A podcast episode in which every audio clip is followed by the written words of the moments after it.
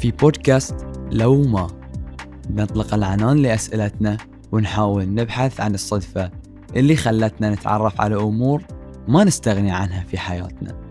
بكون معاكم هشام السردي ويظل السؤال. لو ما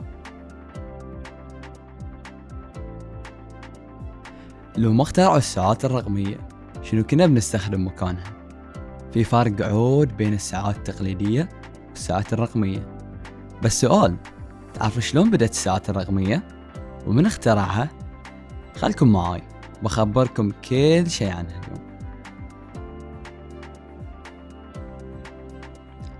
أول شيء لازم تعرفه أن الساعة الرقمية تفرق وايد عن الساعات التقليدية. بالنسبة لي أشوف أن الساعات التقليدية مملة شوي يعني أحسها وايد بسيطة ما فيها شيء مميز وكلهم نفس الشيء بس اللي يفرق الشكل واللون. بينما الساعة الرقمية فيها كثير أشياء مميزة وإذا بديت أعددهم ما بخلص لي بوشر نرجع لموضوعنا. أول ساعة رقمية اخترعوها سنة 1961 صنعها وطورها المهندس المخترع البريطاني توماس بروملي.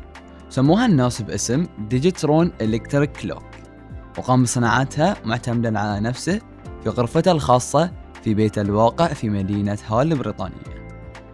والمثير في هالقصة أن بروملي أنفق الكثير للحصول على براءة اختراع الساعة وقدرت بملايين الدولارات آنذاك. وتكاسل اللي بعدها وما جدد حصوله على حقوق الملكية إلا لمدة ثلاث سنوات. وبكذي يكون بروملي ضيع على روحه ملايين الدولارات. تبون تعرفون شلون؟ استفاد علماء يابانيون من امتناع بروملي عن تجديد براءة اختراعه. قاموا بنفس ساعته وصناعة نموذج مشابه جدا للساعة. اللي اخترعها بروملي. وطلعوا هم بالمكسب وباعوا عشرات الآلاف منها حول العالم.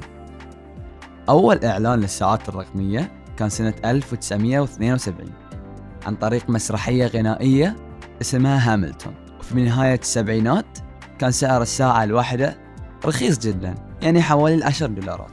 وفي بداية الثمانينات صارت الساعة الرقمية تنحط داخل علب ال corn flakes كهدية رخيصة واليوم تم استبدالها بالساعات الذكية مثل ال Apple Watch وال Galaxy Watch.